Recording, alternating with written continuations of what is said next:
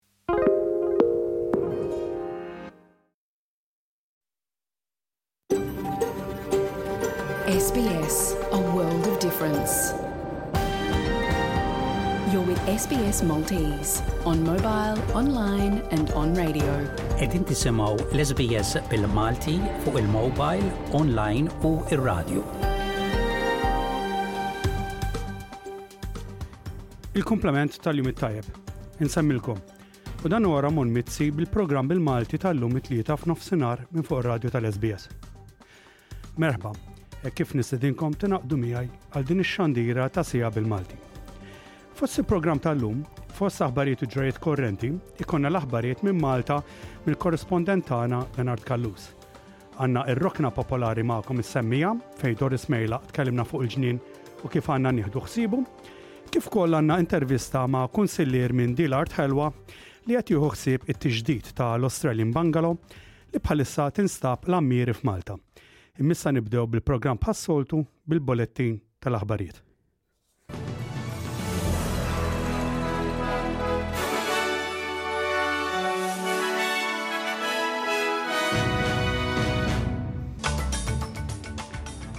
F'dan il-bolettin, il-Prim Ministru Svediż jgħid li jinsab kuntent ħafna li t-Turkija aċċettat l-offerta tagħha għas-sħubija fin-NATO. Rapport isib nies tal-ewwel nazzjonijiet imutu minn 9 sa 10 snin qabel minn Awstraljani oħra U fl-isports, il-Gold Coast Suns ikeċċu lil coach tagħhom Stuart Dew.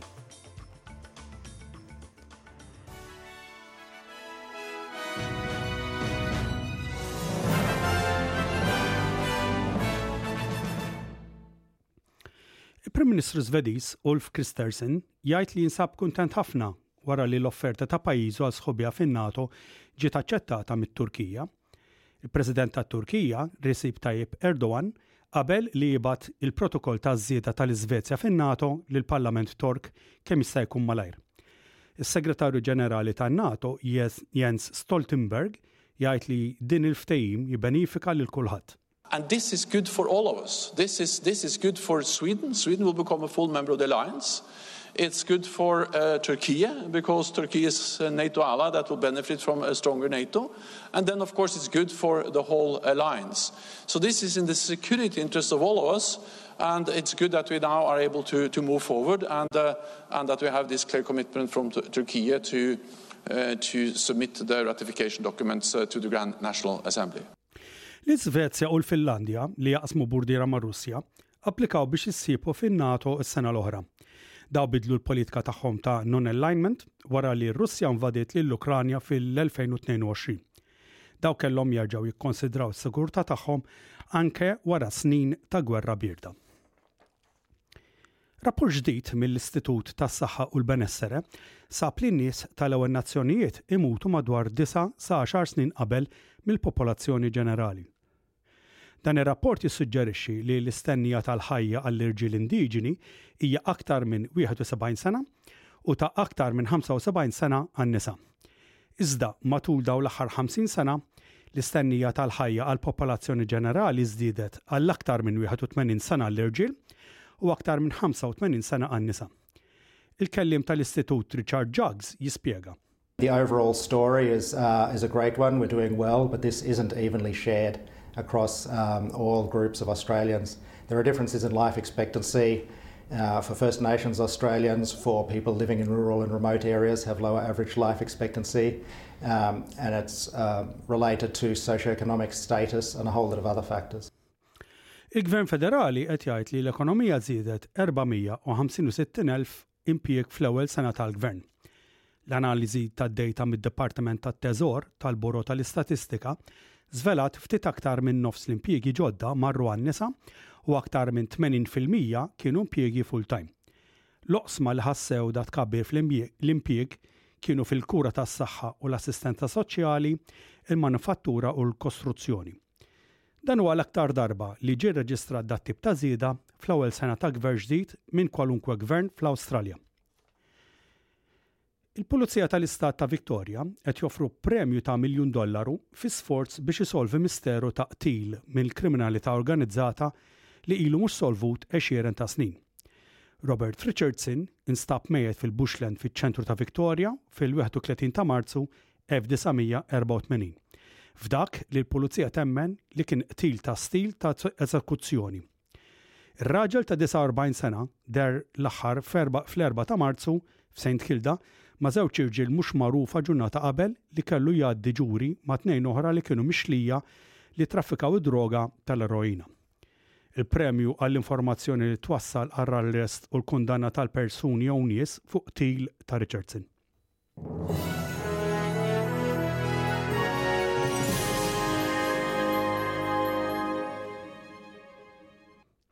U fl-EFL, il-Gold Coast Suns keċċew lil coach Stuart Dew e kif qed jidru destinati għal 13-il staġun kosekuttiv mingħajr ma jilagħbu l-finali tal-EFL.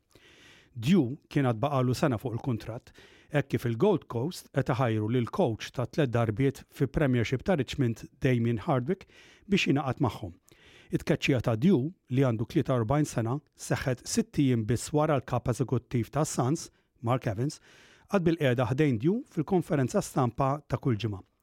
Evans offra raġuni kwalifikata għat-tkeċċija wara li tilfu l-logħba ġo darhom kontra Colwood fl-ewwel ta' Lulju bi 78 punt. U issa ngħaddu ħarsa lejn it-temp tal-lum it-Tlieta 11 ta' Lulju. Perth ħalba jew tnejn tax-xita 21 grad. Adelaide ftit imsaħħab 17-il grad.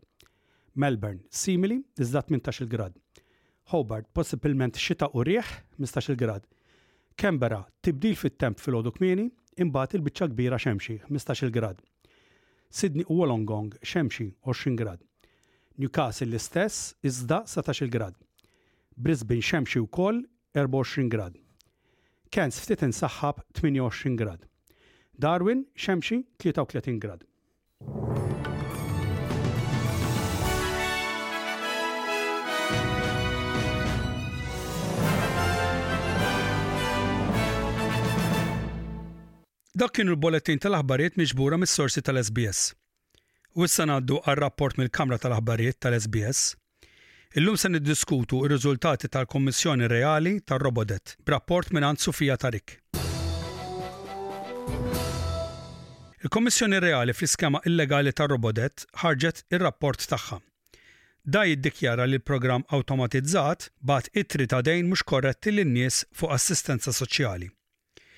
Il-Kummissarju Katherine Holmes kitbet li l-iskema tal-Gvern kienet goffa u krudili u l-Ministri ewlenin tal-Gvern u l-impjegati dipartimentali naqsu mid-doveri tagħhom, inkluż l-eks Prim Ministru Scott Morrison. F'sessjoni ssiġilata li ma ħarġitx għall-pubbliku, ir-rapport jagħmel rakkomandazzjonijiet li individwi jiġu referuti għal prosekuzzjonijiet ċivili u kriminali. Fl-2016, wara li żewġha miet għall-għarrieda, Nicole Hibberd Smith bdiet tirċievi ħlas ta' New Start, dak li llum huwa JobSeeker. Imbagħad irċiviet ittra mingħand Centrelink li kellha tagħti lura 3,000 dollaru jew inkella tinqata' mill-assistenza soċjali. Hija tgħid li dik il-ġurnata li rċiviet dik l-ittra baqgħet f'moħħha u f'moħħ it-tlett itfal tagħha sal-lum. The letter that I was sent was telling me that I owed the government a sum of money and that I needed to uh, act and pay this back very quickly. Otherwise, I would uh, encounter uh, other legal action. So that letter also asked me to verify um, some income. So back in the day for me at that time, um, had I have had a bit more support or guidance, particularly some sort of legal centre guidance, which um, I had tried to ring, but there was such a wait list. I just scrambled and did exactly what I was told. and I also, uh, so I got the information they needed. Um, the debt was recalculated, and I then paid the debt back by borrowing money. Is-Sinjura Hibbard Smith kienet waħda minn 500,000 persuna li kellhom djun illegali miġjuba kontrihom minn Centrelink. L-iskema bdiet bħala miżura tal-baġit fl-2015, bl-għan li twaqqaf l-abbuż mill-assistenza soċjali u biex tirkupra madwar 1.5 biljun dollaru li tħallsu żejda. Il-programm uża t-tqabbil tad-dejta awtomatiku u l-metodu tal-medja fid-dħul, li irriżulta f'diskrepanza ta' dejn ikkalkulat ħażin. L-iskema eventwalment waqfet fl-2017, fl-istess sena li l-Qorti Federali qatgħatha li kienet illegali. Il-Gvern Laburista ħabbar kummissjoni reali f'Awwissu biex jiddetermina min kien responsabbli. Politiċi ewlenin u impjegati pubbliċi fiċ-ċentru tal-iskema ġew mistoqsija f'disa' ġimgħat ta' smigħ, inkluż l-eks Prim Ministru Malcolm Turnbull u Scott Morrison, u l-eks Ministri tas-Servizzi Soċjali u s-Servizzi Umani Stuart Robert u Aline Tudge, flimkien mad-Dipartiment tas-Servizzi Umani ta' dak iż-żmien, is-Segretarju Catherine Campbell. Ir-rapport ta' 990 paġna jgħid li Robodebt kien mekkaniżmu mhux raffinat u krudili, la ġust u lanqas legali, u li trawmatizza lin-nies li ħassewhom bħala kriminali. Il-Kummissjonarju Catherine Holmes sejħet l-iskema bħala idea konċevuta ħażin li wasslet f'għaġla kbira għand il-Kabinett u falliment fl-administrazzjoni pubblika li sewa ħafna flus. Ir-rapport jagħmel 57 rakkomandazzjoni, qed jitlob bidla leġiżlattiva, pariri legali, reviżjonijiet biex jiġu żgurati li l-proċessi u l-programmi tad-dejta attwali jkunu legali, u reviżjoni immedjata u sħiħa tal-portafoll tas-servizzi soċjali u ta' Services Australia. Il-Prim Ministru Anthony Albanese jgħid li l-Gvern se jikkonsidra dawn ir-rakkomandazzjonijiet. I thank Commissioner Holmes for exposing in such a direct clear way the human tragedy that this represented. And my government uh, will be committed uh, to not just putting this report on a shelf, but making sure that it can never happen again and making sure that the government responds in an appropriate, ordered and considered by. Il-Commonwealth ħallset 112-il miljun dollaru bħala danni lill-vittmi tal-iskema wara telfet kawża miġjuba l-Qorti mill-istess vittmi. Iżda mhux kulħadd ġie kkumpensat, inkluż Nicole Hibberd Smith. Il-Kommissjonarju Holmes qalet fir-rapport li m'hemm ebda mod prattiku kif jitwaqqaf xi tip ta' skema ta' kompens. Il-Ministru tas Servizzi tal-Gvern Bill Shorten jgħid li l-ġustizzja għaddejja bil-mod. So today is another step in the journey. I get real harm happened. The, commission, uh, the Commissioner addresses some of the issues of compensation we want, and when you read it and I read it again in more detail, we want to digest. She makes some pointers about where a tort or a legal proposition could go. So I don't pretend at all that people have got recompense to the point of all their harm, but I do acknowledge that the debts were written off that were still being raised. Uh, a whole lot of money was paid back to people against whom debts were unlawfully raised. The, uh, the justice is slow, But it's all going in the right direction towards accountability, and this is another giant step F'sezzjoni ssiġillata tar-rapport li mhux disponibbli għall-pubbliku, il-Kummissjonarju Holmes irrikomandat li xi individwi jiġu referuti għal prosekuzzjoni ċivili u kriminali. L-SBS mhux qed jissuġġerixxi li individwi msemmija f'din l-istorja huma n-nies imsemmija f'dik it-taqsima ssiġillata. Il-Kummissjoni reali kienet mistennija li tikkonkludi f'April, iżda r-rapport finali baqa' jiġi mbuttat lura biex jippermetti l-Kummissjonarju Holmes tagħmel riferimenti lill-Kummissjoni Nazzjonali kontra l-Korruzzjoni li għadha kif tnediet. Il-Kummissjonarju Holmes sabet li l-eks Prim Ministru Scott Morrison, li kien il-Ministru għas-Servizzi Soċjali meta nħolqot l-iskema, li qarraq bil-Kabinett meta ppreżenta l-proposta meta kien jaf li kienet tinvolvi d-dħul medju u li d-Dipartiment tiegħu stess kien indika li kien jeħtieġ bidla leġiżlattiva. Is-Sur Morrison ċaħad is-sejbiet kontrih u qal fi stqarrija Huma żbaljati, mhux sostanzjati u jikkontradixxu evidenza dokumentat ċar. Ma qalx jekk irċieviex ittra ta' avviż li kien imsemmi fir-referenzi magħluqin. Ir-rapport akkuża wkoll lill-eks Ministru tas-Servizzi Umani Elin Tadge li abbuża bil-poter tiegħu billi uża informazzjoni dwar ir-riċevituri tal-għajnuna soċjali fil-midja biex jiskoraġġixxi l-kritika dwar l-iskema. Is-Sur Tadge ċaħad ukoll il-kummenti u jgħid li ma rċiviex notifika li ġie rreferut. Ir-rapport ikkritika wkoll lill-eks Ministru tas-Servizzi tal-Gvern Stuart Robert, li stqarr mal-Kummissjoni li gideb lill-pubbliku dwar l-iskema biex iżomm is-solidarjetà fil-Kabinett. Stuart Robert qal fi stqarrija li jilqa' r-rapport tal-Kummissjoni Reali u r-rakkomandazzjonijiet sensibbli tiegħu u jgħid li ma rċieviex ittra li tinforma li kien imsemmi fit-taqsima ssiġillata. Is-Sur Robert irreżenja minn Membru tal-Parlament tad-distrett ta' Feydin fil-Gold Coast biex fil-ħmistax ta' Lulju ser issir elezzjoni għal Membru Parlamentari ġdid. Il-Kap tal-Oppożizzjoni Peter Dutton akkuża l-Gvern Laburista li qed jippolitiġġizza l-Komissjoni Reali. There's no question about why it's being dropped today because we're a week out from the by-election in Fadden so the government's trying to squeeze every political drop out of it but if there are lessons to be learned, if there are laws to be changed then you take notice of those findings. Don't lose sight of the fact that the government has politicized this big time, and they're dropping it out now as a way to try and smear our candidate, our chances in Fadden in the by-election, which is next weekend. Iżda, il-vittmi ta' Robodebt, bħal Nicole Hibberd Smith, jittamaw li r-rapport ikun sinjal għan-nies u lill-politiċi biex jiefqu jistigmatizzaw lil dawk li qegħdin jibbenefikaw mill-assistenza soċjali. It talks to the need for greater reform and greater insights around Centrelink recipients. I think that the whole discussion needs to be had around why people need support and how to support them better, not make it harder for them.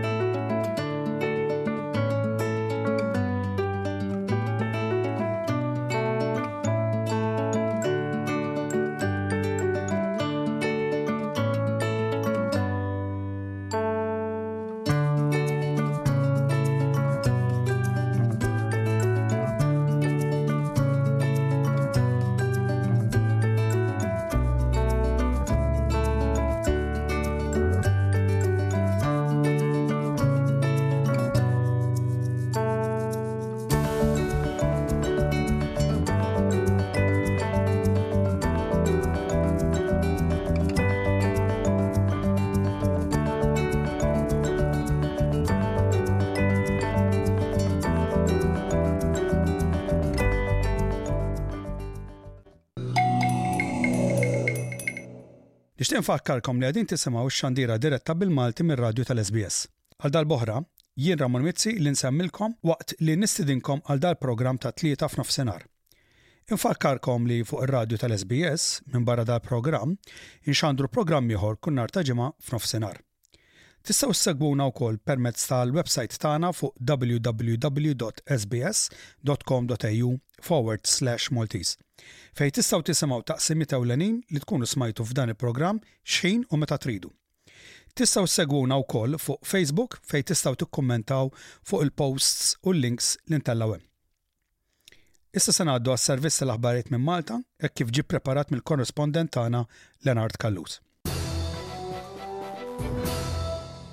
Din hi ġabra ta' aħbarijiet minn Malta. Lenard Callus isellmilkom. Malta u pajjiżi oħra Ewropej li qed iwessgħu l-policies tagħhom dwar il-kannabis għandhom jinvestu fil-monitoraġġ u l-evalwazzjoni biex jifhmu b'mod sħiħ l-impatt fuq is-saħħa pubblika u s-sigurtà, dan skont rapport għas-sena 2023 tal-European Drug Report.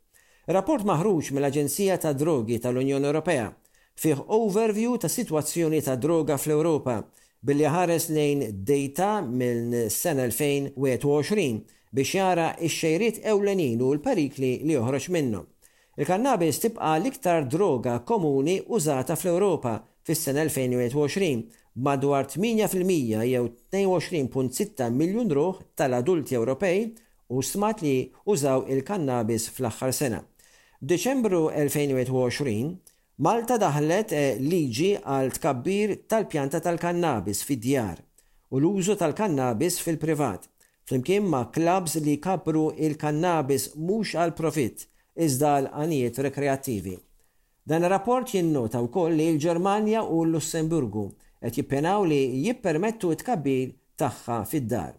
F'Malta din id-dejta tinżamm mill-Awtorità għall-Użu Responsabbli tal-Kannabis, li bħalissa qed tipproċessa applikazzjonijiet għall-ħruġ ta' liċenzji għall-klabbs tal-kannabis, li se jkunu l-uniku mod legali biex tinxtara l-kannabis u li ser tgħin biex jinżammu r-rekords tal-membri, Il-liċenzji għad iridu joħorġu. Rapport jisħaq li l-prodotti ġodda tal-kannabis qed iġibu sfidi għas-saħħa pubblika. Rapport jiddeskrivi żieda fi drogi sintetiċi madwar l-Ewropa, li jkopru t-tipi kollha ta' drogi. Fis-sena 2021, Malta kellha qabda rekord ta' kważi 3,000 kilo droga. Meta rreaġixxa għal dan ir-rapport iċ-Chairman Kliniku tas-Servizzi dwar is-Saħħa Mentali, Anton Grech, jaqbel li huwa importanti l-monitoraġġ tal-policy dwar il-kannabis. Sostna li anke meta fis-sena 2021 il-kannabis ġiet dikriminalizzata, jibqa' l-fatt tibqa' droga għaliex jista' jkollha effetti fis-saħħa. Il-Kap tal-Oppożizzjoni Bernard Grech sejjaħ l-infiq li sar biex ittella' il-Mediterran Film Festival bħala abbuż ta' fondi pubbliċi. Huwa ta intervista ma' NetFM minn Pariġi, Franza, wara li ħa sehem fil-Free Iran World Summit 2023. Grech ingħaqad ma' numru ta' mexxejja dinjija li tkellmu dwar is-sitwazzjoni fil-Lvant Nofsani u l-Iran. Lura għal intervista dwar il-Mediterran Film Festival, Bernard Grech qal li Rajna illi ntefqu miljuni ta' ewro għal vjaġġi ta' artisti barranin u dan hu każ ċar ta' abbuż ta' fondi pubbliċi u kif dawn il-flus marru għal kuntratturi viċin il-Partit Laburista u Robert Abela Il-Kap tal-Oppożizzjoni qal li l-Prim Ministru uża fondi pubbliċi biex jibqa' fil-politika biex ikun popolari. Fil-frattemp, qal Grech, huwa ċar li ma hemm ebda pjan ekonomiku, ebda pjan biex jindirizza l-ħiliet tal-ħaddiema, ħiliet li għandhom bżonn biex jimxu 'l quddiem. Il-Gvern qed jinxef mill-ideat biex jiżviluppa l-ekonomija Maltija. Il-Gvern qed ikompli juża ideat riċiklati. Grech insista li ż-żieda ta' l-għoli tal-ħajja, imsejħa cola, m'għandhiex tkun intaxxata u l-Gvern għandu jassorbi l-ispejjeż ta' l-inflazzjoni permezz ta' inċentivi fit-taxxa. Qal hemm bżonn ta' pjan ekonomiku u huwa ċar li m'għandniex. Huwa evidenti li l-politika ta' Abela mhix dwar il-persważjoni iżda politika ta' konvenjenza. Dan deher fl-aħħar jiem meta l-Gvern wettaq U-turn fuq dak imsejjaħ abboż dwar l-abort. Grech qal li bħala riżultat huwa ċar li anke dawk li kienu favur l-abort m'għadhomx iktar jirrispettaw lill-Prim Ministru għaliex ma kienx konsistenti fil-wegħdiet tiegħu. Min-naħa l-oħra, sostna Bernard Grech, Il-Partit Nazzjonalista dejjem kien konsistenti u jibqa' favur il-ħajja. Tkellem dwar id-dibattitu parlamentari li se jsir fis-sitta ta' Lulju dwar mozzjoni tal-Oppożizzjoni biex il-Gvern jagħmel inkjesta pubblika dwar il-mewt taż-żagħżugħ Jean Paul Sofia li miet taħt it-tiġrif ta' bini, appuntu fit-tlieta ta' Diċembru li għadda. Ħamsa oħra ġew salvati, tlieta minnhom weġġgħu serjament. Grech qal li jeħtieġ nifhmu x'mar ħażin u li jiġi żgurat li traċedja bħal din ma terġax isseħħ. Huwa wera t-tama li deputati tan-naħa tal-Gvern jagħmlu l-għażla t-tajba u jivvutaw flimkien favur il-mozzjoni ta' l-Oppożizzjoni flimkien mal-membri ta' l-Oppożizzjoni. Il-kandidat indipendenti Arnold Cassola talab lill-Kummissarju dwar l-istandards biex jibda Investigazzjoni kontra l-Ispeaker tal-Kamra tad-Deputati, Anġlu Farrugia, talli vota kontra rapport dwar l-istandards li sab li tmintax-il Ministru użaw ħażin fondi f'riklami politiċi. Cassola qal li bil-vot tiegħu, l-Ispeaker fil-Kumitat Parlamentari naqas minn dmiru li jħares l-interessi tal-poplu u minflok għażel li jħares l-interessi ta' tmintax-il membru parlamentari li kisru r-regoli fuq ir-reklamar. Bl-imġiba tiegħu għal Cassola, l-Ispeaker mhux biss ħeba l-mistħija tal-parlamentari li ma ġabux ruħhom etikament iżda immina, iddiskredita u rredikola x-xogħol imprezzabbli u onest tal-Kummissarju Għoli għall-Istandards.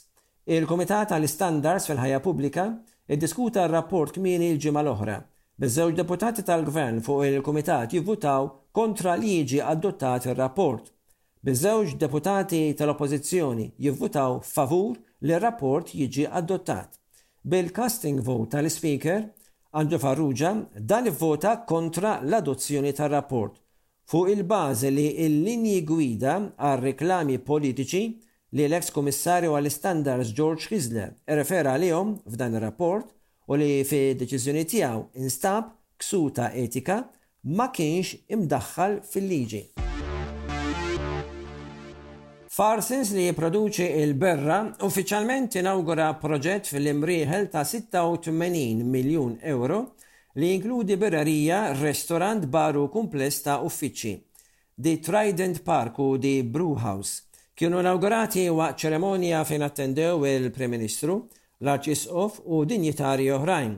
Din l-inawgurazzjoni uffiċjalment ittemm il-proġett ta' riġenerazzjoni ta' wieħed mill-isbaħ bini industrijali tas-seklu 20 f'kampus ta' uffiċċji ħodor u destinazzjoni kummerċjali ta' kumpless dinji tal-ewwel klassi.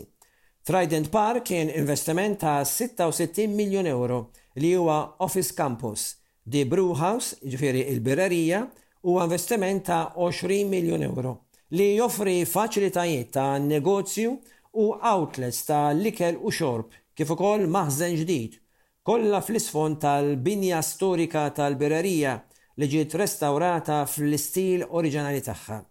Il-proġett huwa iddisinjat biex jaħseb għal kodiċi stretta ambjentali. Il-proġett Dryden Park uffiċjalment ġie inawgurat 73 sena wara li kienet inbniet il-Birrerija oriġinali.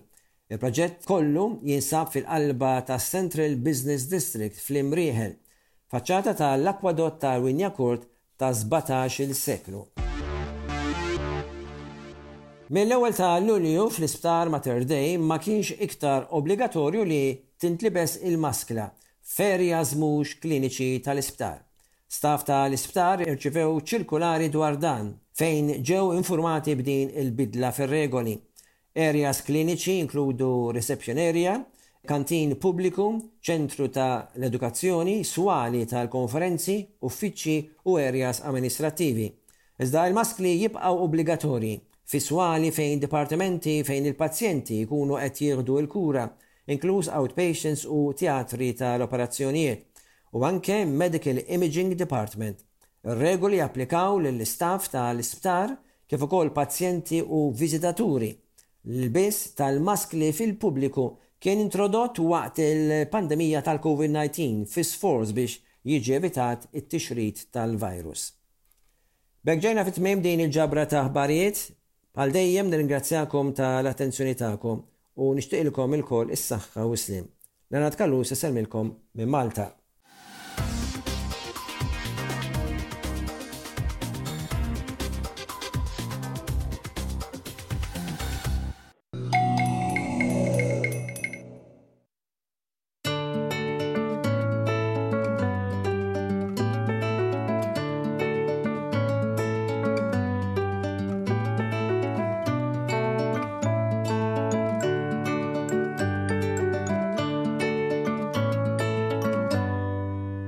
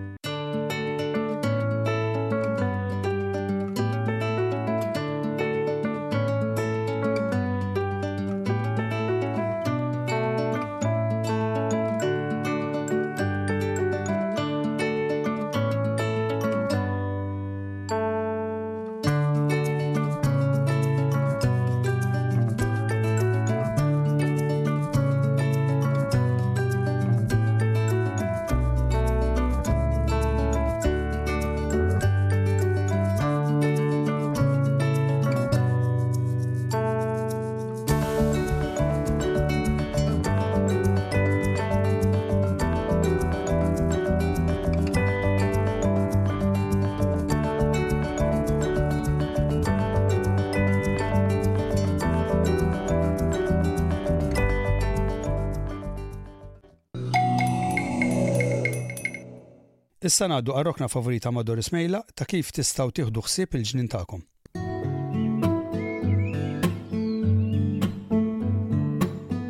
siġar, ħxejjex u pjanti dawra fil-ġinien ma' Doris Mejla f'kull staġun tas-sena waqt li twieġeb il-mistoqsijiet dwar il-ġnien.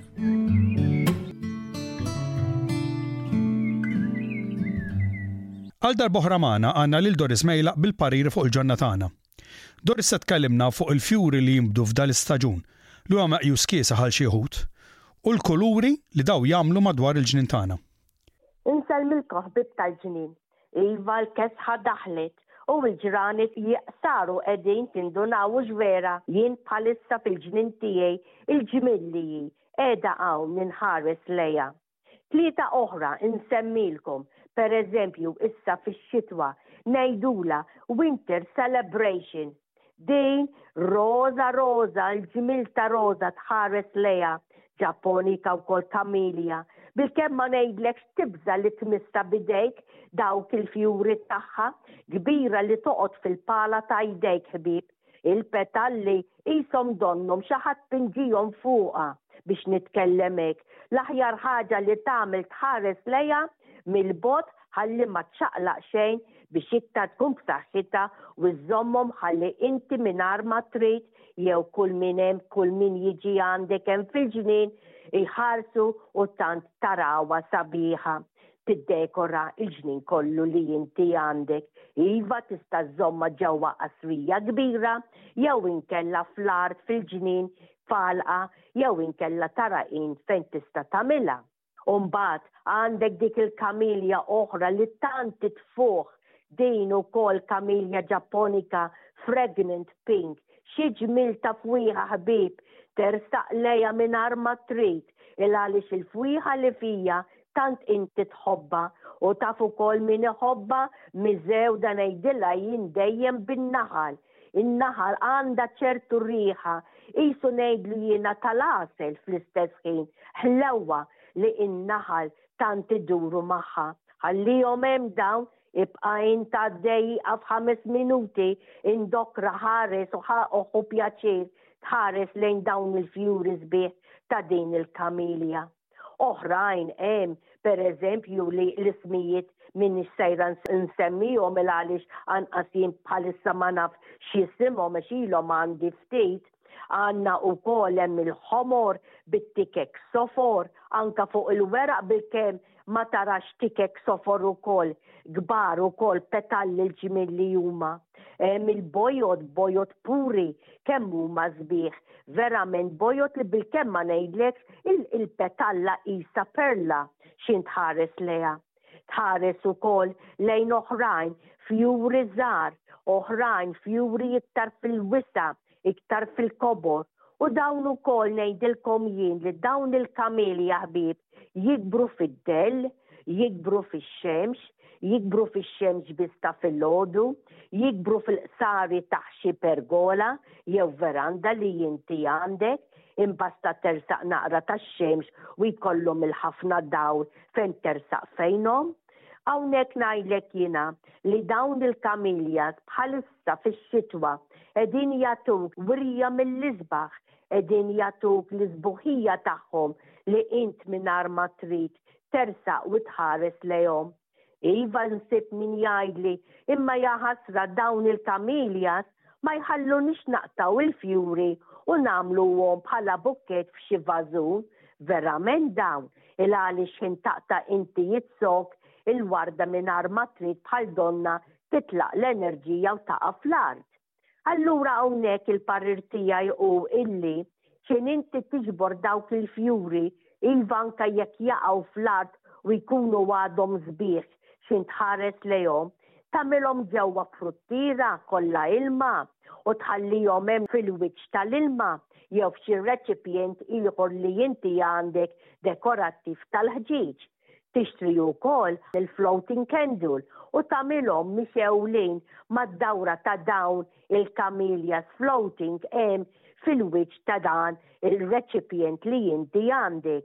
Fuq ġewwa tad-dar m'għandniex xi ngħidu, kemm huma sbieħ. Għandek xi parir għas-sammija dwar il-fjuri li għadek kemm semmejt, Doris? Bħala parir li nista' nagħtikom fi żminijiet issa tax-xitwa, Tmorru, taraw il-botanical gardens ta' fejn intom toqogħdu, taraw dawn il-camellias miftuħa hemm quddiemkom, toħdu idea tal-fjura li intom tant tħobbu jew il-kulur li intom tridu. Tmorru wkoll il-Japanese gardens u kemm hawn minn dawn ħbieb, tarawhom jikbru bħala bonsai hemm toħdu r-ritratti, taraw il-ġmiel, l-arti biex nitkellem hekk ta' dawn il-bonsai, kamilja li suppost tikber siġra forsi daqs tnejn, tlieta, erba' metri. Imbagħad inti qed tara hemm tikber bħala bonsai, bħala siġra żgħira wkoll bil-fjuri ġo fija, wera irqiq u kull ma tkun naqra ta' naqra siġra fuq dak ġewwa dak ir-reċipjent żgħir li hemm qed tara fuq l-ixkaffa tikber quddiemek. Tmorru fin-nurseries, hawn il-ħafna nurseries fejn intu u jien infittxuhom ħbieb, fejn ikabru biss dawn il-camellias, dawn li semmejtilkom issa Sanqua, il-Japonica, il-Reticulata, tarawhom bil-fjuri meta intom tridu tixtru xi waħda jew tnejn, tmorru d-dar u tgħid issa fejn sejra nħawwilha, imma ħbor inti sejra jew sejjer issib, issib żgur fejn sa, sa tagħmluha. Il għaliex meta inti tħobb il-ħafna pjanti, tħobb il-fjuri, tħobb is-siġar li jagħtuk il-fjuri, inti mingħajr ma trid dejjem tagħmel il-galbu tiegħek biex tara fejn inti sejjer jew sejra tħawwel dik is-siġra tant sabiħa li inti tant tiggosta. Ħbieb, iva dawn il-camellias verament huma s-siġar tas-sitt tax-xitwa li qegħdin jsebbħu d-dawra tagħna lkoll kemm aħna. Allura oħorġu, gawduhom, oħorġu mal-ħbieb ħalli anke fix-xitwa taraw l-isbuħija tal-ħajja tan-natura. Grazzi ħbieb u komplu gawdu l-ġnien.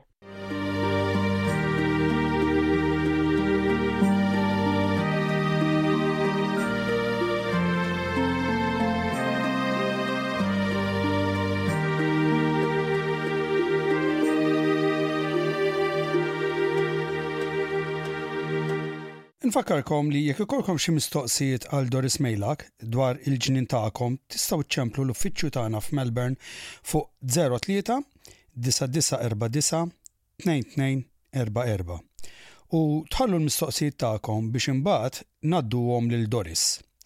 Biex tħallu messaġġ meta ċċemplu stennew sakemm tispiċċa r-recording li jgħidilkom li tkunu ċempiltu programm Malti, imbagħad jew tħallu isimkom u l-mistoqsija lil Doris, jew isimkom u n-numru tat-telefon biex imbagħad inċemplulkom lura.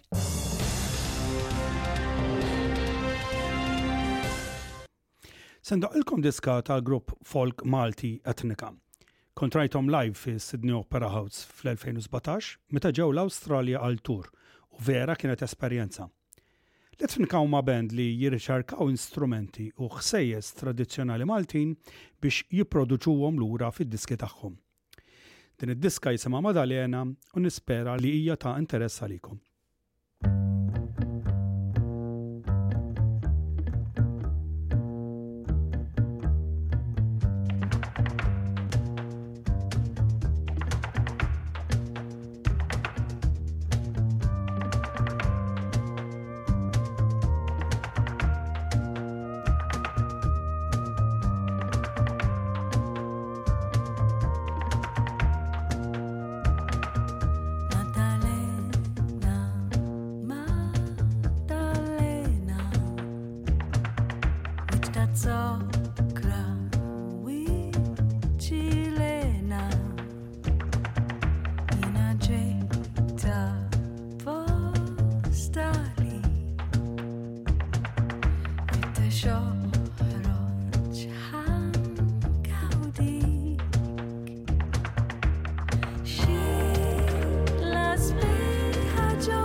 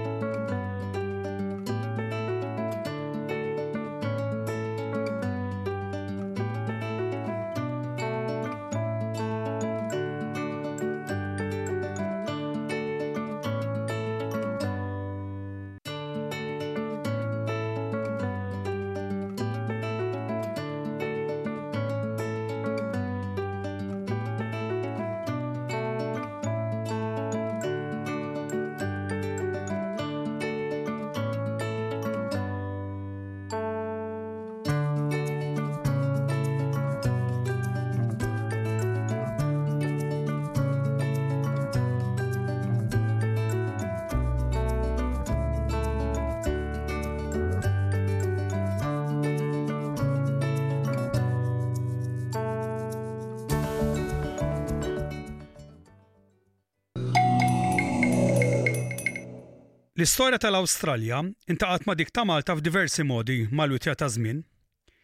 Dawn intaqgħu aktar spiss meta l-Imperu Brittaniku ħeġġeġ lin-nies b'ħiliet ta' snajja' isibu impjieg u għajxien fil-pajjiżi lil hinn minn Malta, bħal dak tal-kontinent Awstraljan. Fl-1920ijiet, il-Gvern Awstraljan ried ħaddiema fil-kostruzzjoni. Iżda il-bennejja Maltin kienu mdorrija jaħdmu materjal differenti minn dawk użati fl-Awstralja. Allura, biex jgħin fit-taħriġ għal dawk imħajrin jemigraw lejn l-Awstralja f'dak iż-żminijiet, kienu bagħtu dar imħatta biex din tiġi mibnija f'Malta. U mbagħad tkun ta' eżempju ta' kif il-bennejja Awstraljani jaħdmu. Din il-binja saret magħrufa bħala The Australian Bungalow u bħalissa tinsab L-Għammieri. L-Australian Bungalow hija magħmula minn injam ta' mitt sena ilu, b'saqaf tal-ħadid ikkorrugat u veranda klassika Awstraljana. Dal-aħħar, din l-art ħelwa, National Trust f'Malta, ħadet l-inizjattiva biex tirrestawra dil-binja, peress li fl-2006 L-Australian Bungalow ġiet inkluduta fil-lista ta' postijiet ta' sinifikat storiku Awstraljan barra mill-Awstralja. Illum se nitkellmu ma' Sur Joseph Philip Farrugia, kunsillier mal-istess fondazzjoni, u se naraw għaliex kien importanti li da l-bungalow jiġi mġedded.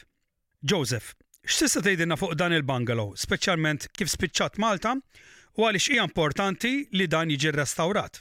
Mir-rekords li għandna, dan il-bungalow kien kien mibgħut mill-Awstralja lil Malta u anke apparently kienu bagħtu anke f'xi pajjiżi f'xi pajjiżi oħrajn English speaking biex il-ħaddiema li ġejjin li jiġu l-Awstralja jkunu jafu what to what to expect, insomma li jkunu jafu it-tip ta' bini kif isir, u pereżempju għall-Maltin partikulari kien importanti għax aħna Malta bil-ġebel biss nibnu. Allura bagħtu da in a sort of in a package in components, bagħtuh lit-Technical Institute ta' Saint Joseph Villambrosa Malta, u hemmhekk għaqdu flimkien u għamlu this beautiful building li fiha kamra kbira li għandna aħna, b'saqaf għoli bħal typical tal-Awstralja, u fuq warajha fuq tliet naħat hemm portico sabiħ.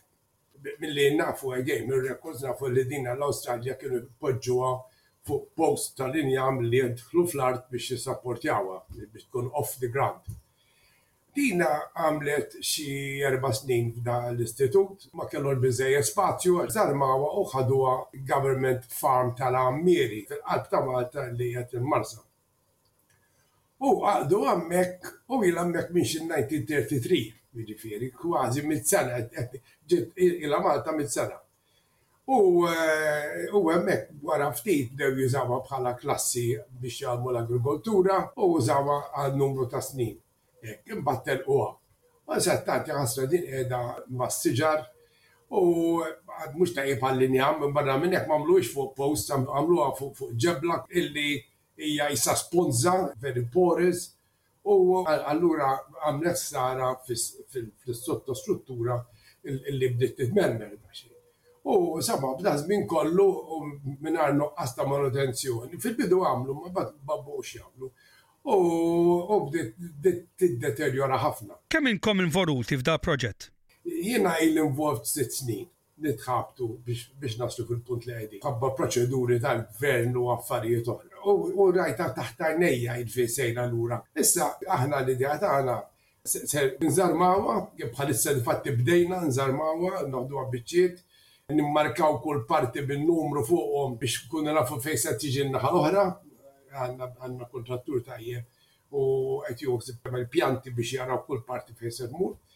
Il-partijiet illi jkunu mħassrin wisq iridu jinbidlu, partijiet oħra li jistgħu jiġu joined u rranġati jiġu rranġati u ħa noħduha ta' qali National Park u ntefqu ħafna flus u għamluha sabiħ iktar milli kienet u dik ħa tkun punt ċentrali tagħha. Aħna l-idea hi li meta nispiċċaw mill-restoration u reinstalling ħa ssir bħal mużew għall-immigrazzjoni għall-Awstralja. Nagħmlu interactive panels u literature u hekk, allura il-visitors u ħafna turisti għax jiġu ħafna turisti viċin ta' din l-area jistgħu jiġu jarawha u I'm sure li kull Malti Awstraljan li jiġi Malta meta tkun hemm imorru jarawha because it's a point of interest.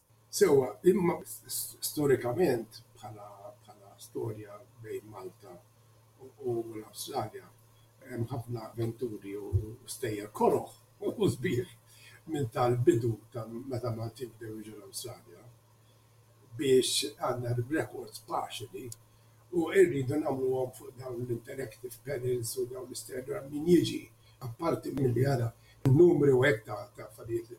ikunu jafu ftit mill-istejjel illi l-antenati tagħna għaddew minnhom dawk li marru l-Awstralja partikularment f'dak l-ewwel ħamsin sena, l-ewwel tletin sena. Dan il-bungalow intuża għall-iskopijiet għaliex ġabuh Malta biex jgħallem ill-emigranti prospettivi?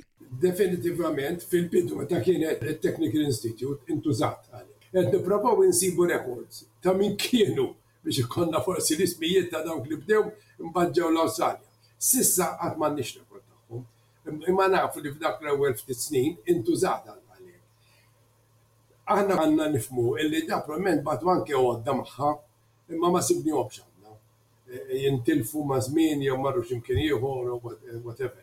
U wkoll biċċa informazzjoni li skoprejniha iktar reċenti, Illi apparently kien hemm xi waħda bħal din għadtek kemm kienu bagħtuha pereżempju l-Irlanda u spiċċaw kollha vera ma baqax in existence wieħed għax il-Maltese fl-istorja għamel ftit riċerka they can't trace any existing però they trace xi wħud illi kienu marru. Dil-art ħelwa ingħaqdet mal-Australia Ecomos, organizzazzjoni internazzjonali mhux governattiva primarjament ikkonċernata mill-konservazzjoni ta' wirt kulturali. Tista' tgħidilna dan kif sar? L-Ecomos kienu Malta u marru jarawha u għamlu studju fuqha.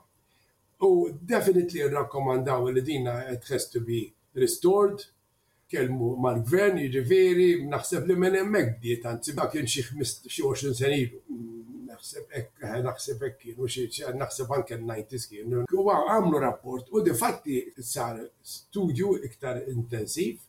Qabdu xi experts u għamlu studju u għandi għandi dan l-istudju. Sfortunatament ma japplikax preċiż 20 sena wara għaliex hemm deterioration ħafna iktar kbira, però il-prinċipji użajniehom u adattajniehom. Kien hemm waħda Miss Fabri li konna b'kuntatt magħha, però ma nafx għaliex inqtajna, kont ipprovajt nikkuntattjaha ma rnexxilix, forsi biddlet it-telefon jew il-kuntatti li kellna mhumiex tajbin iktar. Imma imma kienu verh ħafna interessati u nixtiequhom that they get involved with us again. Aħna issa mexjin, jiġifieri probabbilment kienu jgħinuna iktar li kieku kienu viċin. Imma imma miexi issa l-proġett imma definitely l-e-commerce huma experts in the field, minnhom mad-dinja and they are they are we would have we would love to have their help and we have based our work fuq xogħol tagħhom. Daqshena ilu l-High Commissioner Awstraljana f'Malta, l-Eċċellenza tagħha s-Sinjura Jenny Cartmill, żaret dan il-bungalow. X'kien ifisser għall-High Commissioner li għamlet dan? She was very excited, hi riedet tgħin, ġiet tara, issa fil-fatt sfortunatament wasal biex jispiċċalha t-term tagħha u dil-ġimgħa li għaddiet għamlet visit oħra. Ħadna pjaċir li almenu qabel ma titlaq tara x-xogħol li beda għax dak iż-żmien konna se nibdew konna se nibdew and we couldn't ma stajniex nitilqu għaliex ma kenniex il-guardianship deed. She was very kind, she was very helpful, she promised, li tgħinna bi kwalunkwe mod kif tista', and she offered her help, però issa unfortunately se titlaq. Nisperaw li High Commissioner il-ġdid, jew il-ġdida għaliex dan ta' tieġ għadna ma nafux min ħa jkun, will be as helpful għaliex issa iż-żmien li ħa jara riżultat almenu miskina Denicaut bdiet Good and silly result. Imma issa, issa qed nibdew. U forsi hemm xhur illi min jiġi jieħu pjaċir il-Ħajfa Missionary il-ġdid għaliex jara jara dal-proġett mill-bidu sal-aħħar kważi issa. Dan il-bungalow huwa meqjus bħala biċċa mill-wirt Awstraljan f'Malta? Absolutely, assolutament, yes, assolutament. L-Eco Malls kienet żgura li għandha tidħol Fil-lista hemm lista extraterritorjali ta' Australian Heritage. Ma niftakarx kien jisimha l-lista li semmew imma definitely yes, għandha tidħol definitely tkun fil-lista. Hemm affarijiet oħra bħal l-Anzac Monument Malta u affarijiet hekk li huma ġa qegħdin irreġistrati magħhom and this is another, it will be another focal point l-Awstraljani li jiġu Malta u li jmorru li jmorru li jmorru jgħaddu biex jirreferi lura għal pajjiżhom. Kif qed itfondu dax-xogħol kollu, din l-art ħelwa? L-ewwel fortunatament kellna sponsor substantial li daħal konna nqas kellna guardianship deed u offrielna a nice sum of money Melita Foundation illi huma responsabbli ta' television u telecommunications u huma huma our main sponsors. Kellna grant oħra li rbaħna mingħand a parastatal a parastatal organization illi tgħin proġetti bħal dawn. U aħna bħala NGO rridu niġbru l-kumplament li huma a substantial amount. Qisu għandna daqsxejn iktar minn one third of the money, imma jonqosna xi mitejn fuq mitejn elf oħra. Yes. Irridu niġbruhom u qed nisperaw li issa li bdejna x-xogħol almenu, ix-xogħol ikun iktar fil-pubbliku, ikun jidher iktar u nistgħu navviċinaw nies iktar biex jgħinuna. Kif moħħi dejjem nispera li mill-Awstralja jkollna jkollna reaction tajba għaliex bilfors li jħossu affinity magħha.